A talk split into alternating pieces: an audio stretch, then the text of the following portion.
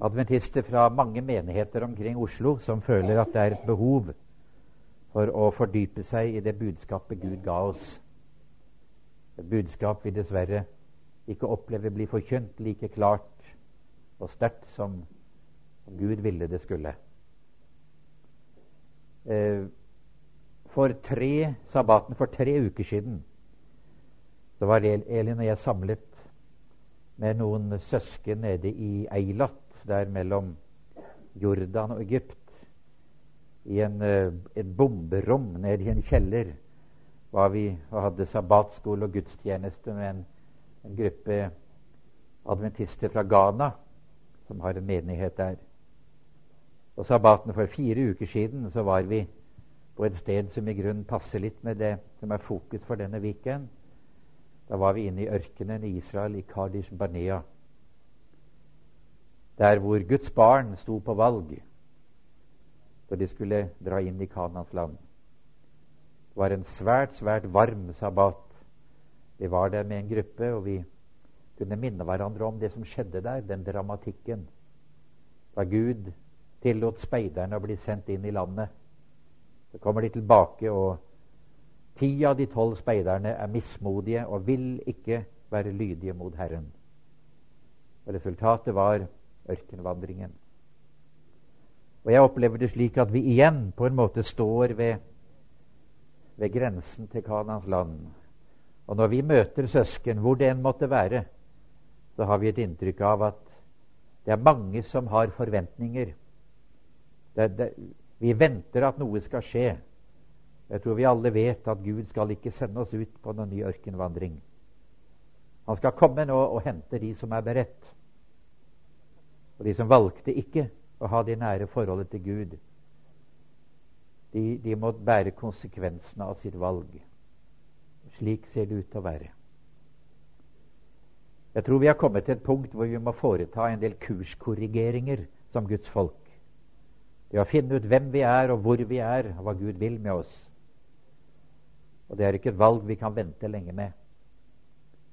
Da vi kom med danskebåten fra Oslo og hit til i dag, i dag tidlig, i dag morges, så tenkte jeg på når vi kjørte, at der oppe på broa hvor kapteinen og styrmannen er, så, så, innstilte de computeren, datamaskinen, da de forlot Oslo havn i går ettermiddag.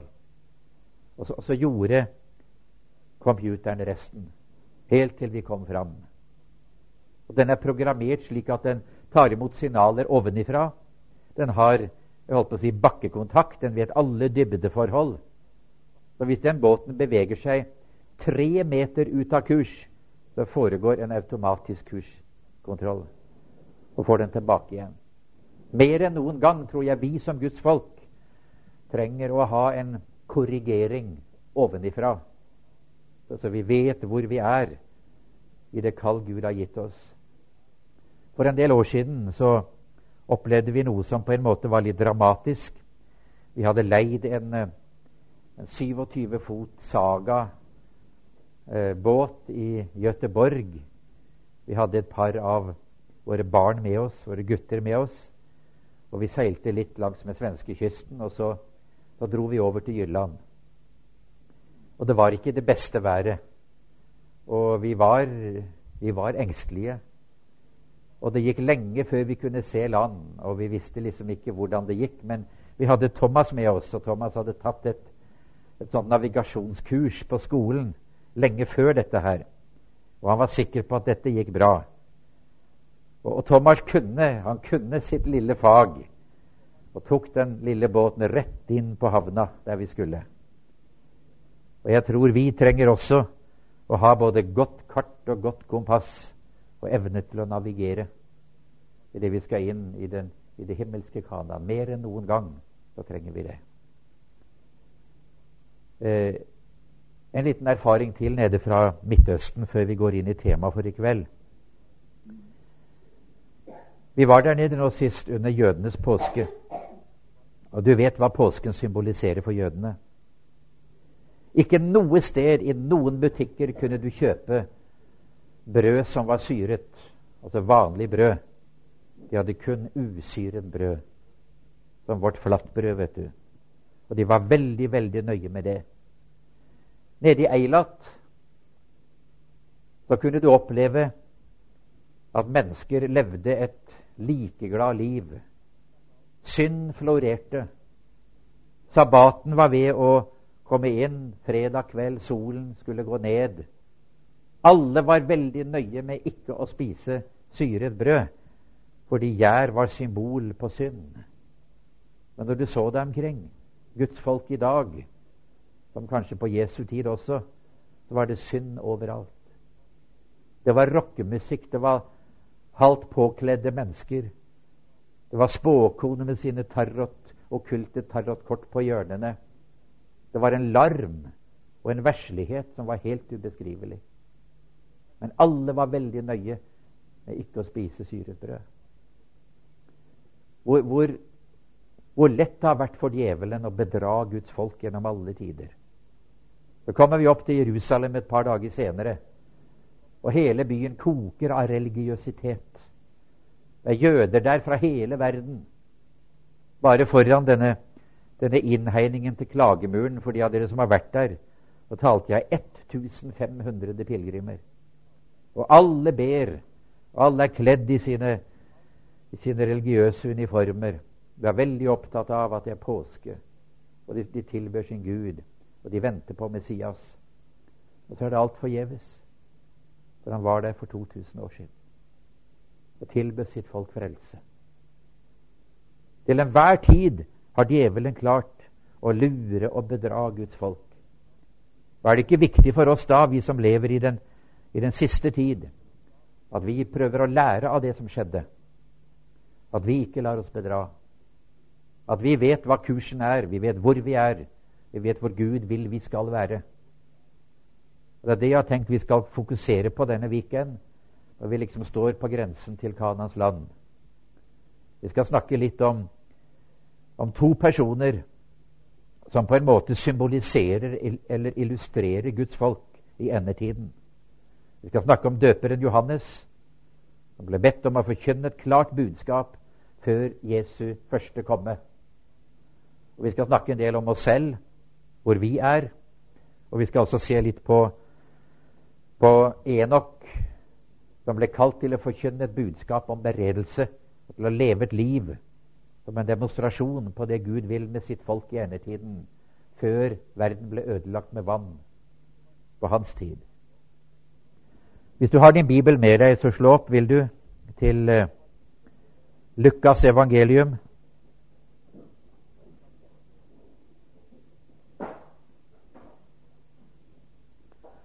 Lukas evangelium, det første kapittel.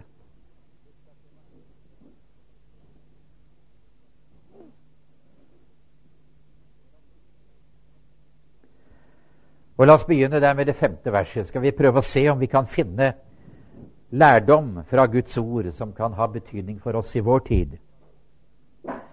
På en måte så får vi her vite hele, hele rammen og miljøet og den kultur, om du vil, som skulle prege døperen Johannes.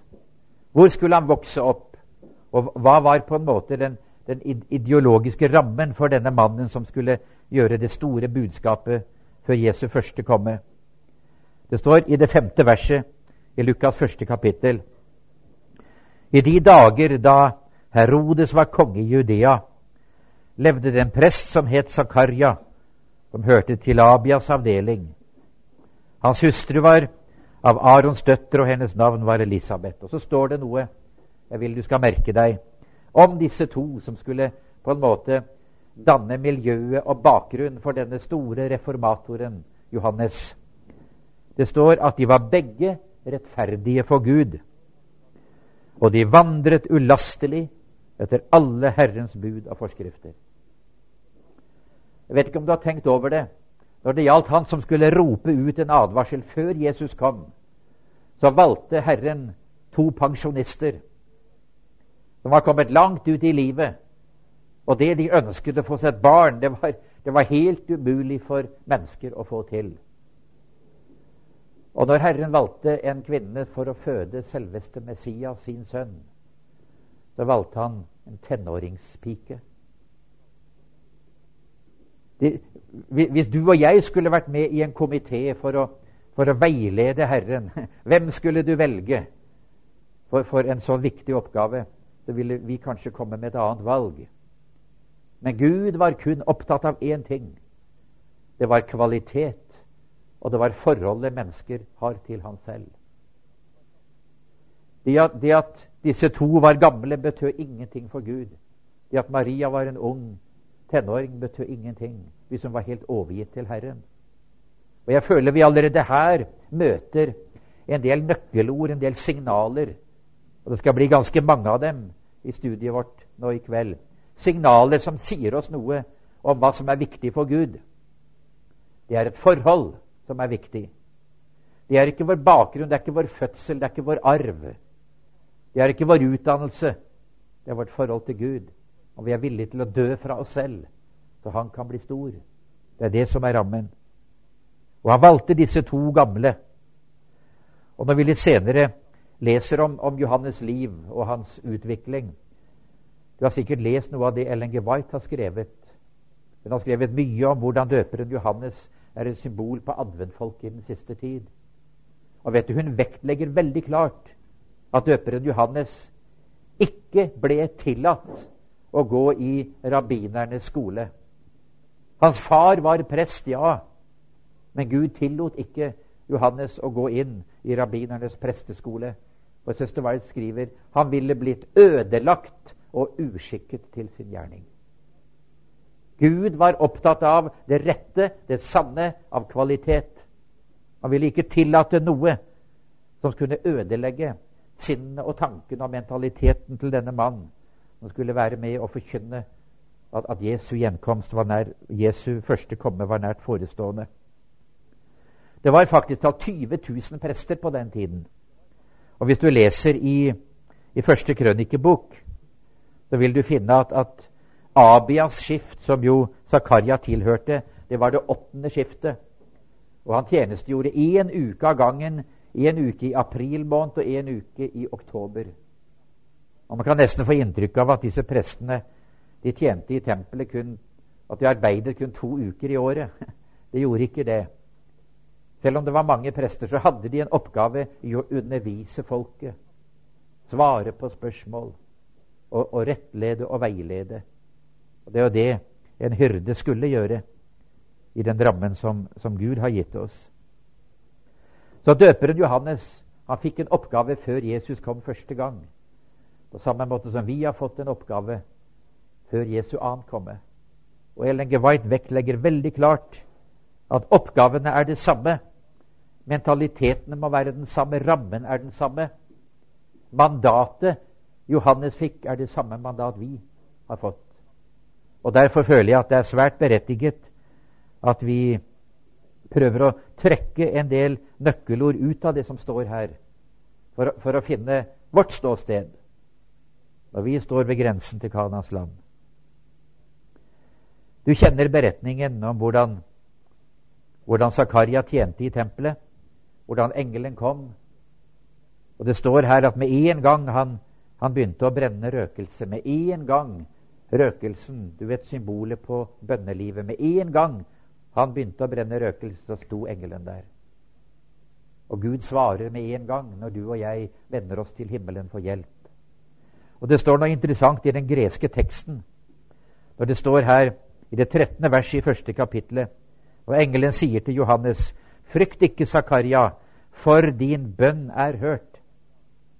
Hvis du går til grunnteksten og ser den grammatiske formen dette står i, så betyr det faktisk talt at det du har bedt fortid, og det du ber nå. Altså, det, det, er en grammatisk form som dekker det som var, og det som akkurat nå er. Så det er ingen tvil om at denne bønnen om å kunne få en sønn, enda de var så, kommet så langt ut i livet Allikevel så ber presten Zakaria når han står der foran Herrens ansikt. Forhenget er der på andre siden er Herrens herlighet. Og så ofrer han røkelse, og så ber han Gud enda en gang, en bønn han har bedt mange ganger, la oss få en sønn. Så står det her at engelen plutselig er der for å besvare hans bønn. Menneskelig sett var det umulig. Og mens dette foregikk, så står det at, at folket der ute i ærefrykt, de, de, de, ba og de ventet. Vanligvis var presten inne i tempelet ca. en halv time, sånn rundt 30 minutter. Og kom han ikke ut i løpet av en halv time, så ble folk litt engstelige. Kan det ha skjedd noe der han kom fram foran Herrens åsyn? Men han kommer ut, og du, du vet hva som skjedde. Han fikk dette synet. Og Jeg har lyst til at vi skal se litt på hva engelen sier til Zakaria om døperen Johannes. Og Her begynner vi å samle en del, en del ord og begreper som blir viktige for oss når vi skal prøve å finne ut hvor er vi i Guds kall med oss. Engelen sier at døperen Johannes skulle være stor for Herren. Og selv om vi nå leser dette i Bibelen om døperen Johannes, skulle ønske at du var villig til å tenke litt på deg selv. Hvor du er i ditt forhold til Gud. Altså Ingenting av dette har betydning om det ikke kommer inn i vårt eget liv, dere. Vil du tenke litt på deg selv nå? Ditt forhold til Gud. Hvordan har du det? Hvordan er det? Hva vet du hva har du tatt konsekvensen av? Grad av overgivelse, ditt samfunn med din frelser. Hva står det om den mann som skulle berede Herrens vei før han kom første gang? Og hva står det her derfor om det folk? Og Det betyr du og jeg, som skal være med å forkynne og advare verden og berede et folk før Jesu annen komme. Det står han skulle være stor for Herren. Tror du er klar over at å være stor for Herren nødvendigvis må bety at vi er ganske små i oss selv. Selve må dø før vi kan være store for Herren. Så står det at engelen også sier at Johannes skulle være en edruelig mann. Han skulle leve nøkternt og sunt. Han skulle ha en livsstil som ikke ødela hans sinn og hans klare tanker og hans forståelse. Vi leser også at han skulle være fylt med Den hellige ånd. Vil du tenke litt på deg selv nå, hvor du er i forhold til Gud? Og Så kommer engelen til oppgaven Johannes skulle ha. Det står han skulle omvende mange av Israels barn til Herren. Og det står faktisk at Israels barn. Kan det være dere at din og min oppgave også, når vi er overgitt til Gud, ikke bare er å forkynne der ute for mennesker som aldri hadde lært Gud å kjenne, ikke bare for de kirkefremmede, som er et veldig populært begrep i vår tid, men at det er mange blant Guds folk som ikke har lært sin frelser å kjenne. Som ikke har forstått hva den nye fødsel innebærer, og de har vært helt overgitt. Omvende mange av Israels barn til Herren. Det står videre at hans oppgave skulle være å samle samle familier. Det står han skulle lede de ulydige til rettferd. Og rettferd betyr rett og slett nettopp det en rett ferd.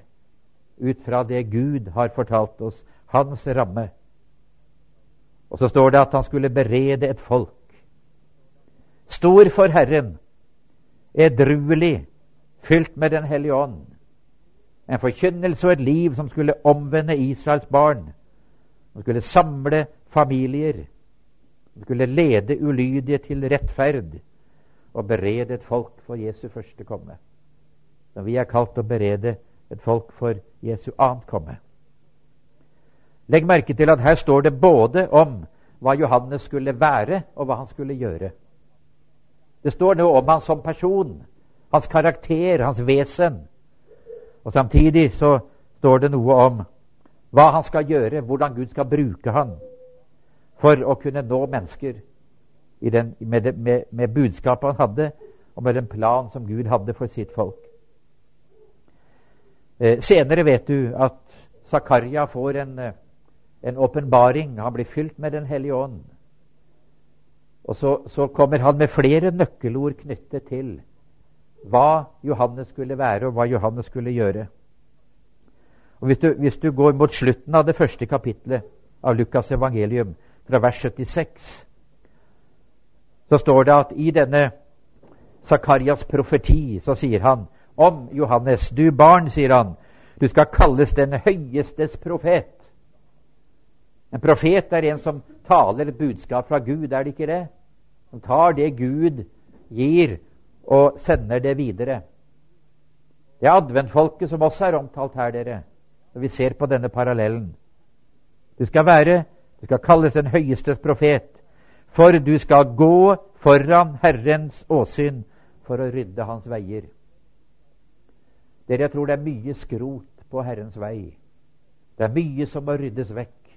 Og Det kommer vi tilbake til når vi skal se på denne profetien fra Isaias 40. kapittel, som også da er trukket inn her for å beskrive den misjonen som døperen Johannes skulle ha. Du skal gå foran Herrens åsyn for å rydde hans veier. Så kommer det i vers 77 for å gi hans folk kunnskap om frelse ved forlatelse for deres synder.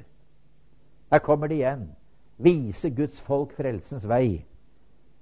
Gi hans folk kunnskap om frelse ved forlatelse for deres synder.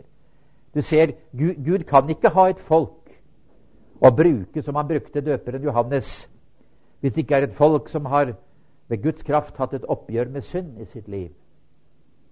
Og igjen ser du at Gud ønsker å fokusere på det som er viktigst for døperen Johannes og viktigst for adventfolket. I vers 79 i det første kapittelet kommer enda en oppgave for å gi lys til dem som sitter i mørke og dødsskygge, og for å lede våre føtter inn på fredens vei. Gi lys til de som er i mørket. Jeg tror du er klar over at det er ikke bare ute i, i det hedenske land at mennesker er i mørke i vår tid. Jeg tror djevelen har klart å bringe et mørke inn i kristendommen, i kristne samfunn og i kristen forkynnelse som er helt ubeskrivelig. Det er mennesker i dag som, som tilber det de tror er Herren, og de fylles med en ånd som de tror er Guds hellige ånd. Og så er det djevelen selv som fyller dem med sin ånd og gir dem opplevelser og åpenbaringer.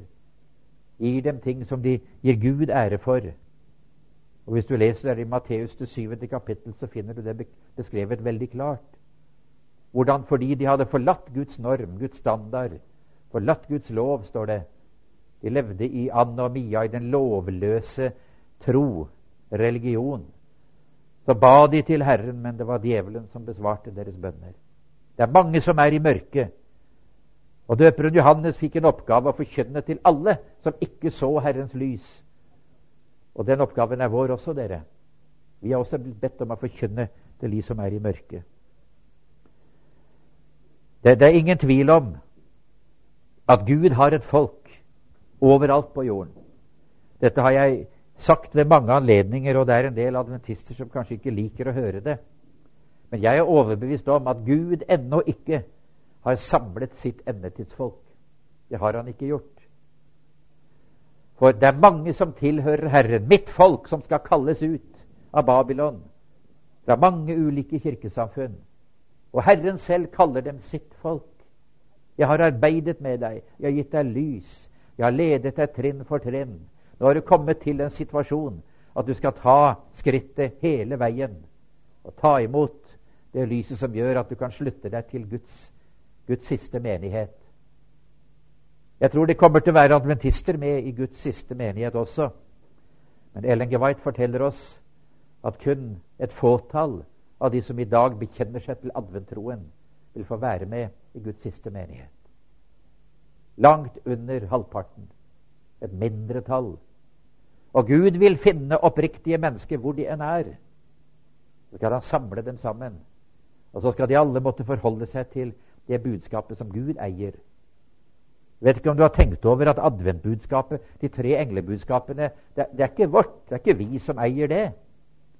Vi må forholde oss til adventbudskapet, dere, på samme måte som alle mennesker på kloden må gjøre det. Hvem de enn måtte være.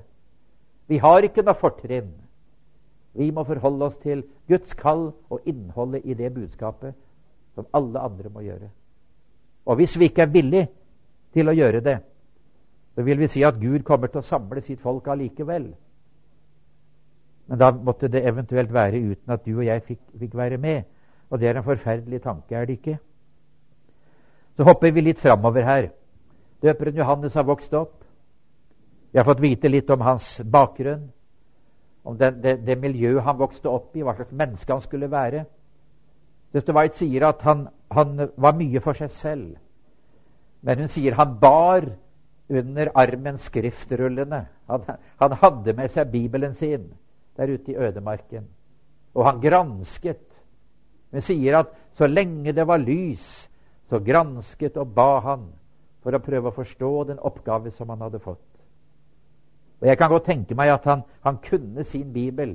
Han kunne Skriftene, salmene og profetene. Han kunne Mosebøkene. Alt dette var i hans sinn. Han gjorde hva han kunne for å forstå.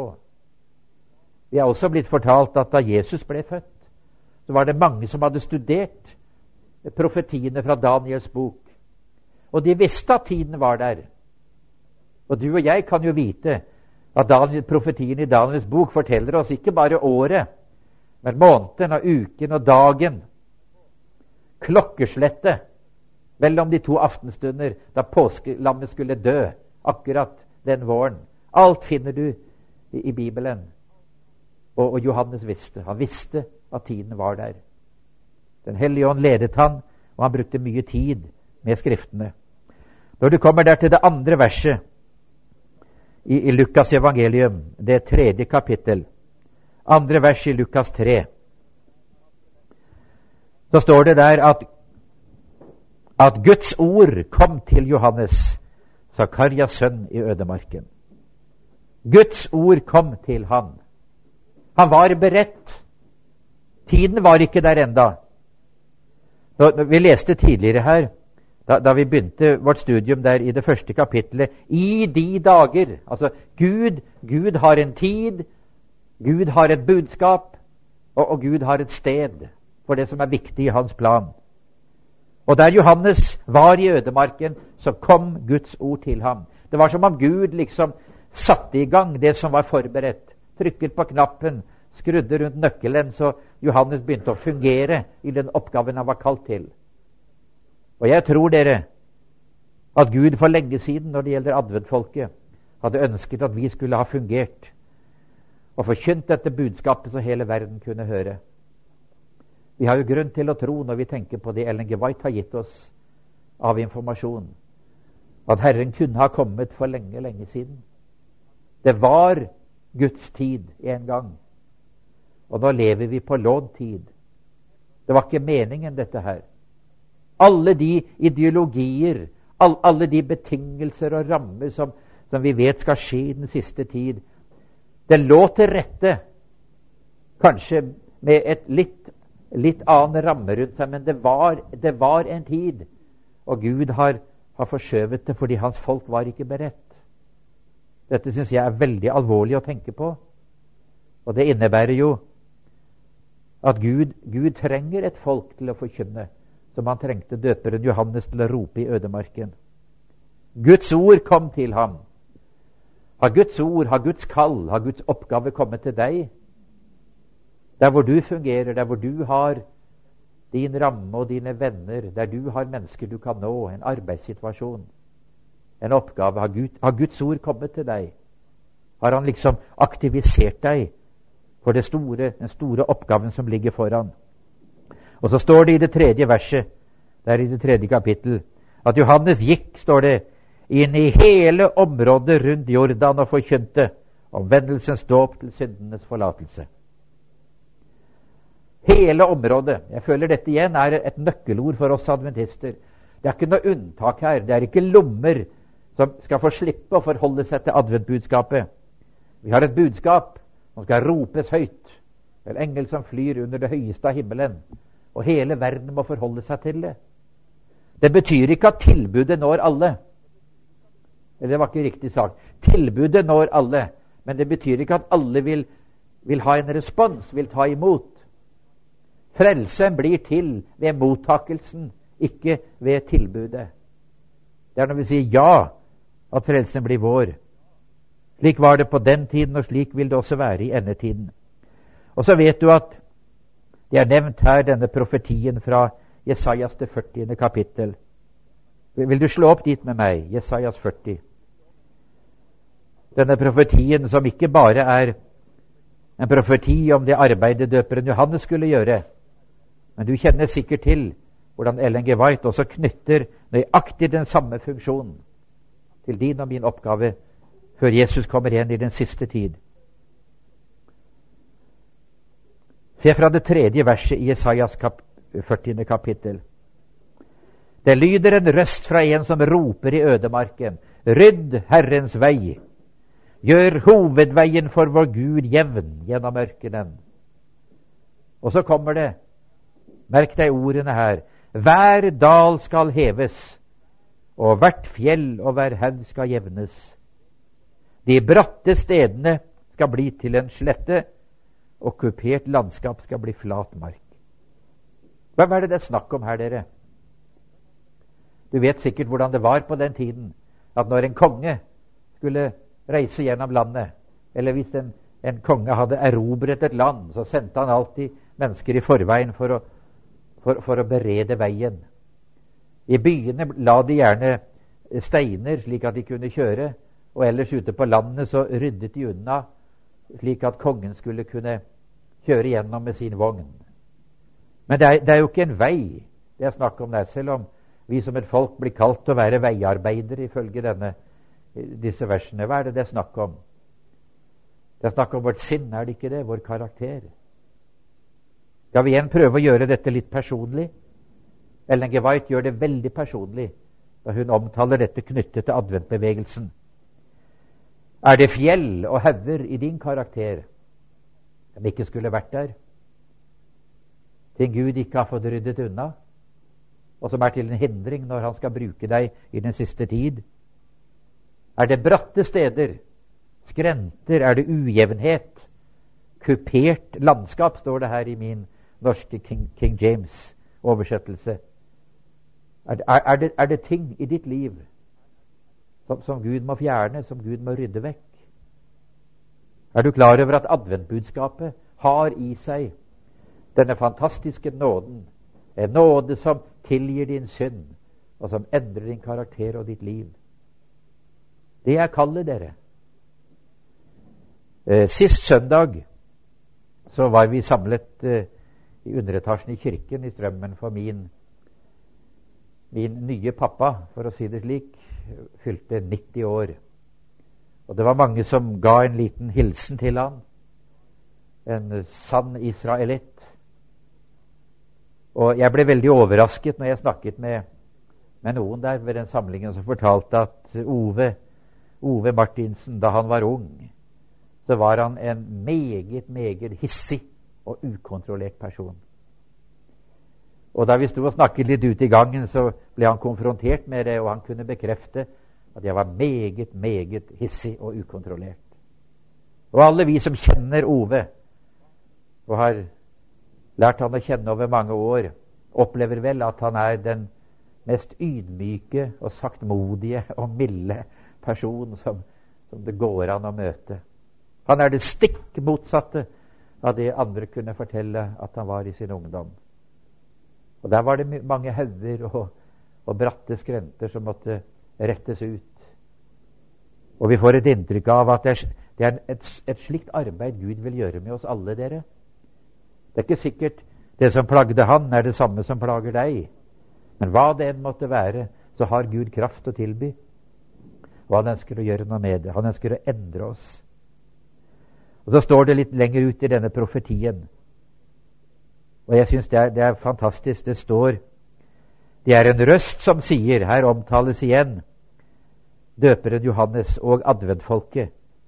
Etter at det kuperte landskapet har blitt flat mark og fjell og hauger er jevnet ut, så står det Rop!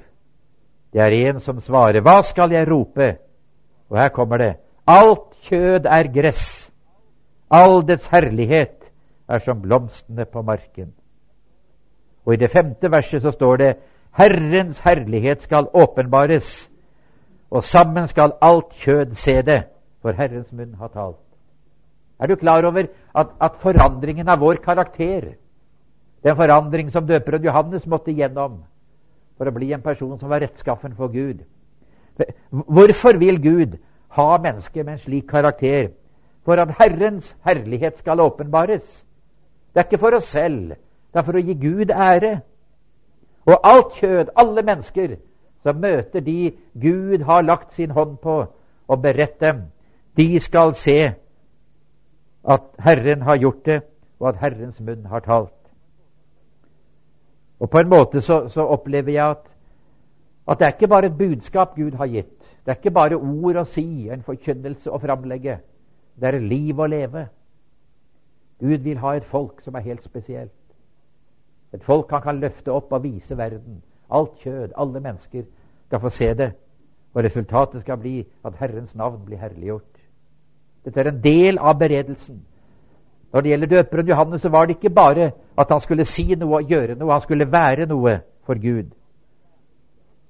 Og i det niende verset så står det Stig opp på et høyt fjell, du som forkynner evangeliet for Sion. Løft din røst med styrke. Løft den bare, frykt ikke. Si til byene i Juda, se deres Gud. Er du klar over at vi har ingenting å skamme oss for når vi har fått et budskap å forkynne?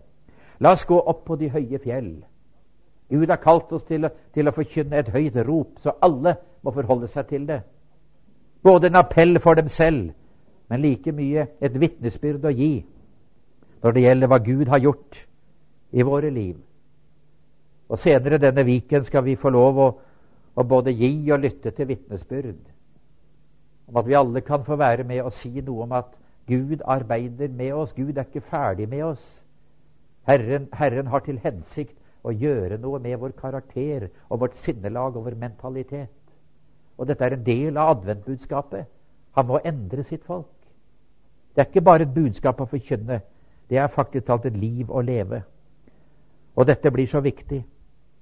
Når vi leser videre her om døperen Johannes Vi er tilbake til Lukas evangelium nå, fra det syvende vers. Da står det her Deretter sa han Nå har vi kommet til hans forkynnelse.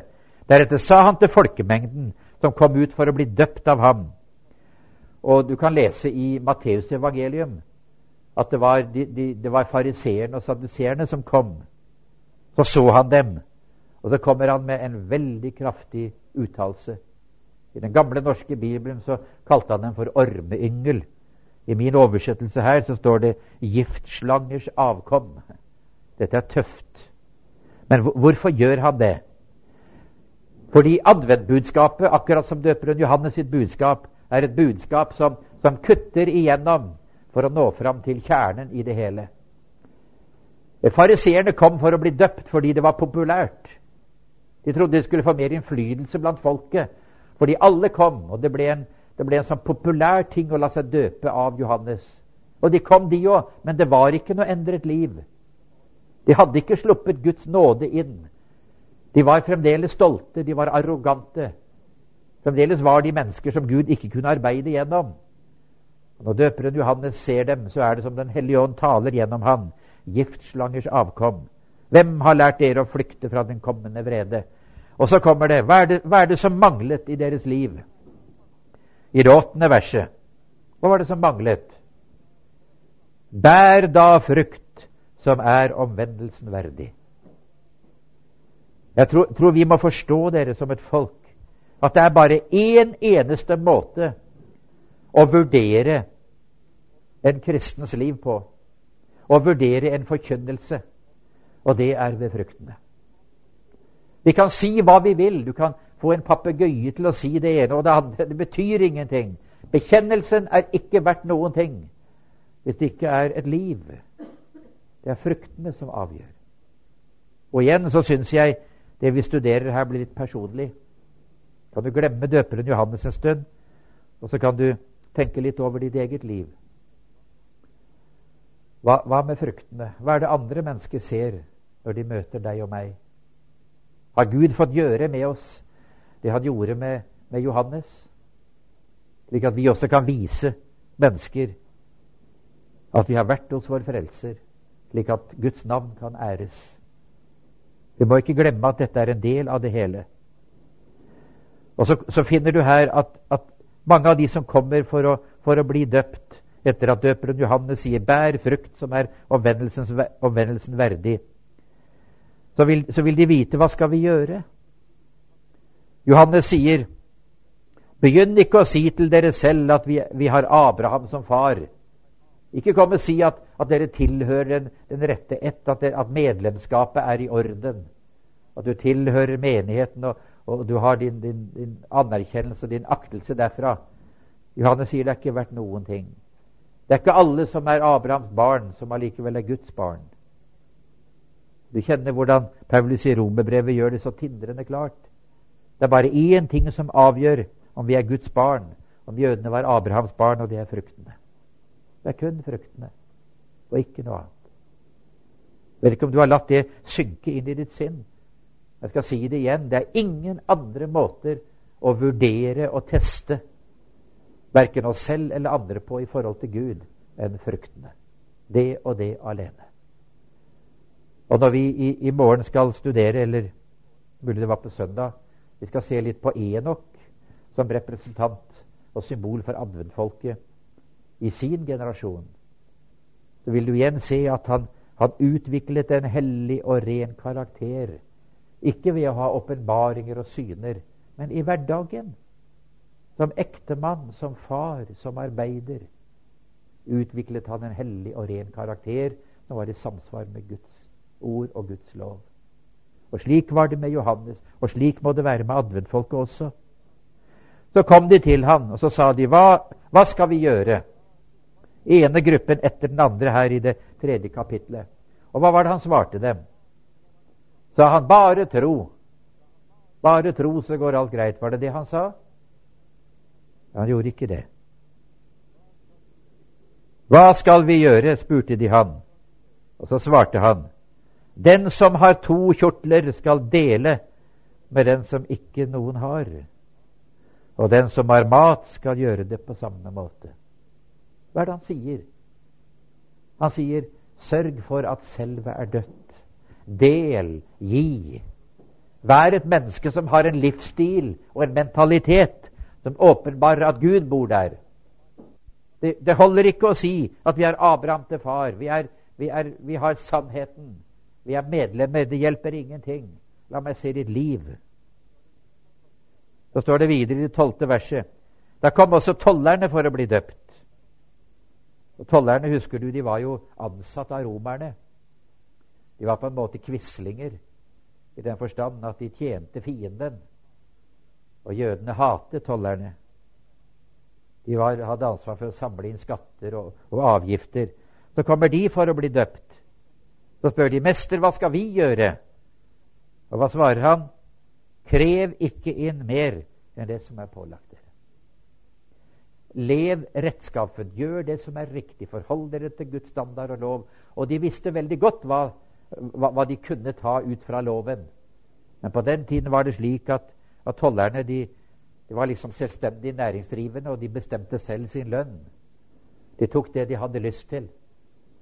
Og de både ranet og røvet, og de, de la seg opp mye rikdom. Og så, så, spør de hva skal vi gjøre for å kunne, kunne bli Guds barn. Så sier døperen Johannes dere må slutte å gjøre synd.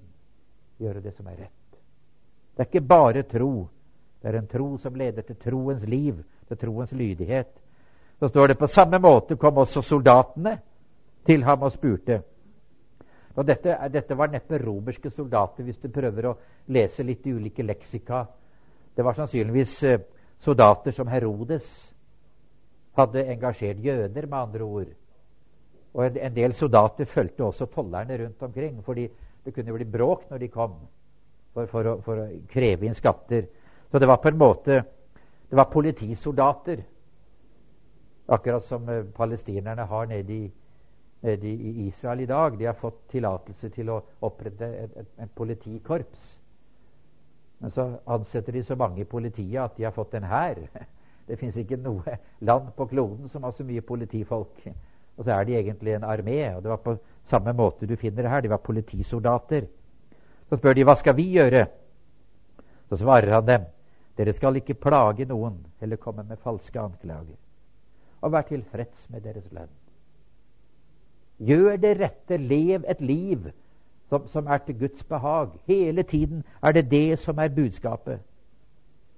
Og jeg føler at når vi nå står ved terskelen til Kanans land, når vi skal forholde oss til oppgaven Gud har gitt oss, da syns jeg vi møter noe av det samme.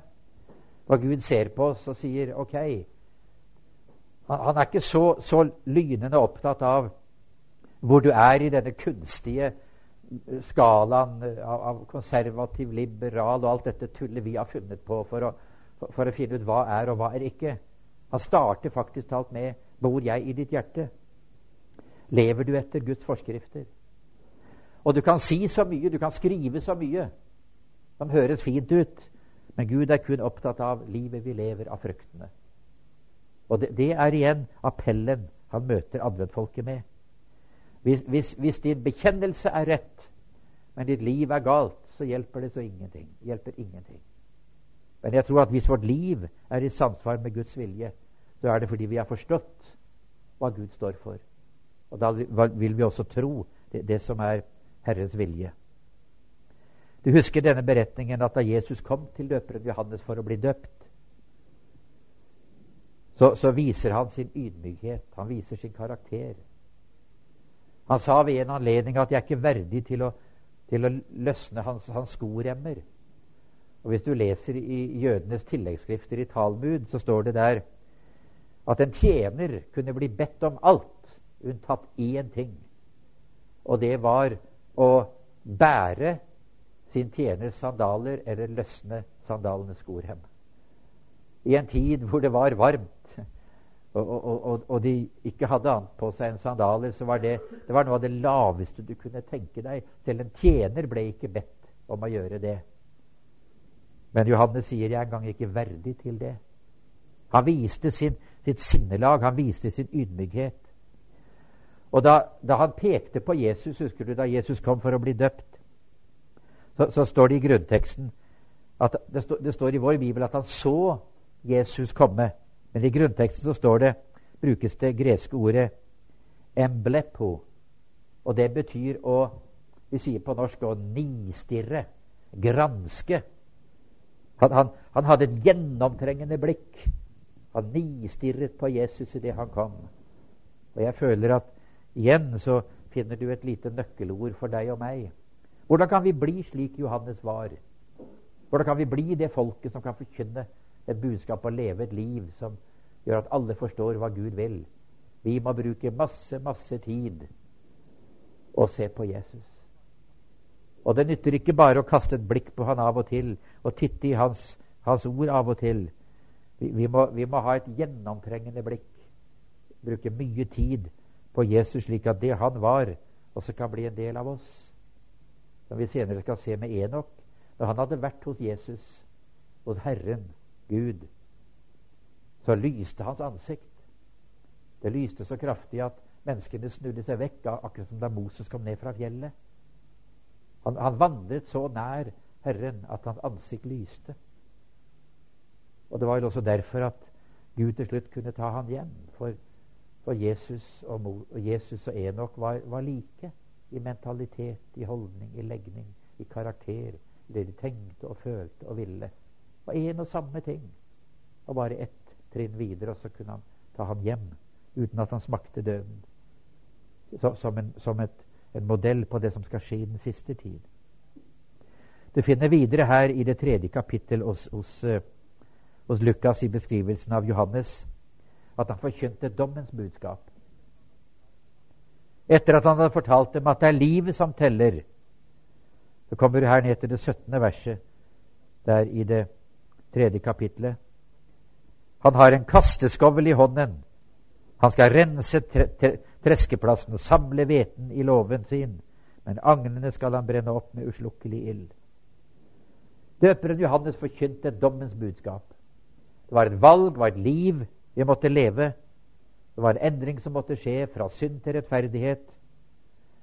Og så forkynte han at de som ikke ville la Gud gjøre dette i sitt eget liv, det kunne ikke være med. Det var et dommens budskap på samme måte som vi har fått et dommens budskap å forkynne. Frelse og dom går hånd i hånd i døperen Johannes sitt budskap og i andre budskapet.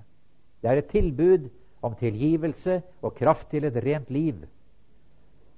Og hvis vi velger galt, den brede vei isteden, så er det en dom.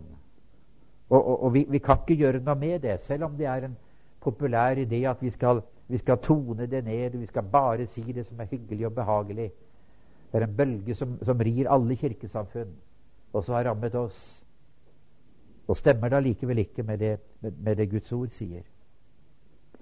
Se på det 18. verset i Lukas 3. kapittel. Jeg syns det er interessant. I min bibel står det om døperen Johannes at han forkynte evangeliet for folket sammen med mange andre formaninger.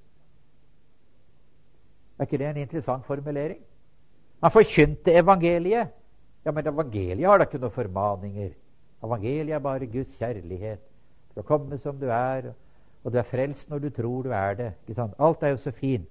Han forkynte evangeliet for folket sammen med mange andre formaninger. Evangeliet har en formaning i seg. Det er en smal vei, og den har kanter. Og du kan falle i grøftene. Gud vil vi skal forstå at det er det rette som er det betydningsfulle. Det vi trenger i vår tid, dere, det er ikke mer kristendom og mindre teologi, som pinsevennene pleier å si. Vi trenger en rett teologi istedenfor en gal teologi. Teologi betyr kunnskap om Gud. Vi trenger rett kunnskap om Gud i stedet for en feil og gal kunnskap om Gud. Og adventfolket er bedt om å være med og forkynne dette budskapet i den siste tid. Så står det også i det 19. og 20. verset her i, i Lukas 3. kapittel at han irettesatte denne fjerdingsfyrsten Herodes. Så står det at han ble kastet i fengsel av den grunn. Han behøvde ikke ha gjort det. Var, var ikke det på en måte en, en, en, dum ting å gjøre? Han kunne latt være å blande seg inn i politikk og kritisere de som hadde en posisjon. Men han forkjønte det fordi det var sant, og fordi det var riktig. Og fordi det Herodes hadde gjort, influerte mange. Og mange undret seg over hvis han kan gjøre noe slikt, hva kan jeg gjøre? Så kommer denne ordets forkynner og sier at det er galt i Guds øyne. Det er galt. Og glem nå ikke at Herodes, han, selv om han kom fra en annen bakgrunn, så hadde han tatt den jødiske tro. Han bekjente seg til den jødiske tro. Og så brøt han Guds bud. Og så kommer her denne profeten, denne forkynneren Johannes, og sier at dette er galt. Og Resultatet var at han ble kastet i fengsel og senere myrdet. Akkurat som Daniels tre venner som valgte å komme til den store festen, og gudebildet sto der. Og de visste hva som kom til å skje. De visste Man skulle ikke bare ha en piknik og se på gudebildet. De visste veldig godt at alle vi ble bedt om å tilbe. De kunne ha holdt seg unna, men de kom. De var der for, for, for å kunne vise ved sin demonstrasjon at de, at de tjente den sanne Gud. De var villige til å dø den dagen framfor å bryte ett av Guds bud. Og Slik var det med døperen Johannes, slik var det med Enok, vi skal studere senere. Og slik, søsken, må det være med adventfolket før Jesus kommer igjen. Og det er ikke du og jeg som skal få til noen ting. Det er ikke vi som skal kunne bli slik. Men vi må ha det forholdet til Gud som også Johannes hadde. Vi må være overgitt. Vi må bruke en tid med Guds ord og i bønn, som både han og Enok brukte, så vil Gud gjøre det vi ikke kan. Da vil Han ta vare på haugene og de bratte skrentene og alt det ujevne i vår karakter. Så vil Han legge det til rette slik at Guds navn kan æres. Det er så underlig å lese når, når to av Johannes sine disipler får høre om Jesus, og, og Johannes peker på Jesus og sier, 'Se, det er Guds lam som bærer verdens synd.' Så står det at disse to disiplene Johannes sine disipler. De forlot Johannes, og så gikk de til Jesus for å følge ham. Har du tenkt på at, at der begynte den kristne menigheten? Der begynte den. Når Jesus kommer og blir døpt, så kommer to av Johannes sine disipler og forlater Johannes og følger Jesus. Der begynte menigheten. Og vi skal se en stor frukt i den siste tid. Vi skal se mange, mange mennesker forlate det de holder på med for å følge Jesus. Og det er adventbudskapet som skal vekke dem opp, og det er du og jeg som skal være med og forkynne. Mennesker som er overgitt, som Johannes var, og som derfor kan brukes av Den hellige ånd. Jeg har lyst til å summere en 20 punkter jeg er helt til slutt her, som vi har hentet ut fra dette studiet, om parallellen mellom Johannes og adventfolket. Og når, når, jeg nevner disse 20 punktene, så skulle jeg ønske du ville tenke mer på deg enn på Johannes. Det hjelper ikke deg og meg noen ting hva Johannes gjorde, og hva Johannes var. Det, det, må bli en del i vårt eget liv. Det må bli en del av oss. Bare da har det betydning. Mange skal glede seg over forkynnelsen. Du skal bli stor for Herren og liten i deg selv. Dette er appellen fra Gud, tilbudet, løftene fra Gud. Du skal leve et rent og edruelig liv. Du skal bli fylt med Den hellige ånd. Du skal være med å lede mange av Guds barn til Herren. Du skal samle familier. Du skal vise de ulydige oppskriften for en rettferd. Du skal berede et folk for Jesus. Du skal rydde en vei. Du skal gi hans folk kunnskap om frelse og oppgjør med synd. Du skal gi lys til de som er i mørket. Du skal være med å skape sann fred. Fredens vei, sto det. Ikke en økumenisk fred. Vi finner det som alle er enige om å tro, men sann fred den fred og enhet som kommer etter at rystelsen har gjort sitt, og Gud har samlet sitt folk. Du skal demonstrere et endret liv. Du skal advare om en kommende dom. Du skal vektlegge at frelsen ikke bare er ved tro, men ved en tro som skaper et lydig liv. Du skal vite at et medlemskap aldri er nok. Du skal tåle forfølgelse når du forkynner skal være ydmyk og modig. Og du skal forkynne at ingen er Guds barn hvis Den hellige ånd ikke bor i dem, og de er født på ny. Dette, er, dette var rammen for det Johannes skulle være, og det Johannes skulle forkynne i sin tid. Og dette, dere, er kallet Gud har gitt adventfolket i den siste tid når vi står på terskelen til Kanans land. Og skulle vi finne noe av det vi har, vi har sett på her, som ikke er slik det skulle være i våre liv, skal vi ikke bare la denne Viken være en, en tid hvor vi kan gjøre opp med vår Herre og med hverandre, men også la det være en appell som trekkes videre i våre liv. Gud vil noe med oss. Adventfolket, dere, er Guds hemmelige våpen i den siste tid. Og han har ingen andre. Hvis, vi, hvis, du og jeg skulle si nei til å være det folket, så vil han klare å, etablere det folket allikevel. Han har sine, han har sine oppriktige. Jeg skal senere dele med dere noen erfaringer vi har, hvor det er mennesker der ute som med en gang de hører budskapet, så hugger de tak i det. Da går det noen få dager, så har de kastet seg over Bibelen og mot historiens klimaks, og så tror de alt det vi tror og har en renere og klarere adventro enn mange som har gått i adventkirken i 30-40-50 år. Hvorfor? Fordi Gud er ved å hente ut de oppriktige. Og når han finner dem, så har han tak på dem, og Den hellige ånd leder dem lynfort fra lys til lys. Og det er mange slike der ute. For å nå dem så trenger han flere som fungerer som døperen Johannes. Så må det være min appell og vår bønn for oss alle i kveld som en ramme og også et fundament for det vi skal snakke om denne viken. Må Gud hjelpe oss til å være et folk som kan gjøre den oppgaven som Han har kalt oss til. Skal vi be sammen?